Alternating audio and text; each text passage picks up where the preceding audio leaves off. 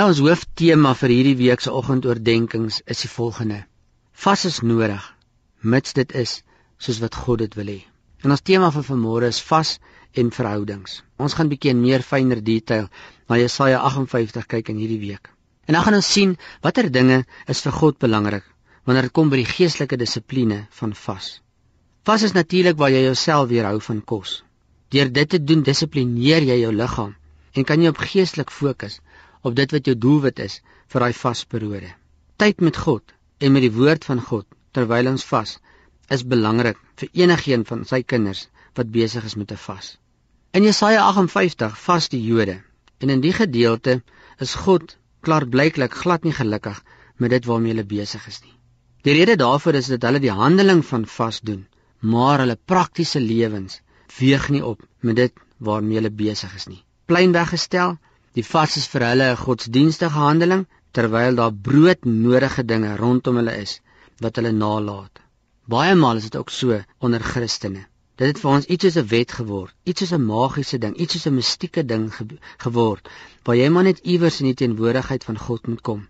Asof jy dan partykeer sommer blind raak hoe goeders wat rondom jou gebeur. Want vas is 'n baie intensiewe vorm van gebed. 'n Tyd waarin jy jou verhouding met God in oënskou moet neem en waar jy moet stil word om God se stem te kan hoor. Nou, hierdie dinge doen die Jode alles reg. Hulle het alles 100% reg. Maar die Here sê ek's ongelukkig met julle. Al doen julle 100% die vas reg op die letter van die wet, is daar onreg in die werksplek. Mense word nie regmatig vergoed nie. Eintlik verwys hierdie uitdrukking in Jesaja 58 daarna dat mense in die werksplek misbruik word.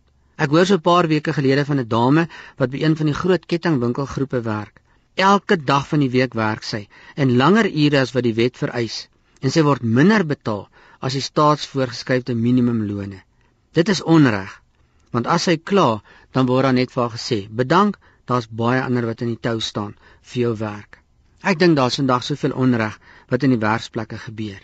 En God sê, ek hoor dood eenvoudig net swaar. As jy alles reg doen rondom die vas, op die letter van die wet, die rituele dinge doen jy reg, maar daar's onreg wat in die werksplek plaasvind. En dan is daar nog 'n ding wat God pla. Hy sê julle twis en julle beklei onder mekaar terwyl julle besig is om te vas. En hierdie goed werk nie saam nie. Onreg en twis en bekleierery en vas werk nie saam nie. Liefde en genade is vir God belangrik. Vergifnis, vrede onder mekaar, die vrug van die Gees. Dit is wat vir God belangrike ding is. Is dit die vas wat God wil hê? Wat die Bybel sê, dan is die antwoord nee. Vas en maak reg vir God. Sorg dat die regte dinge in die werksplek gebeur, sodat God kan luister en kan hoor wat my en jou versoek is.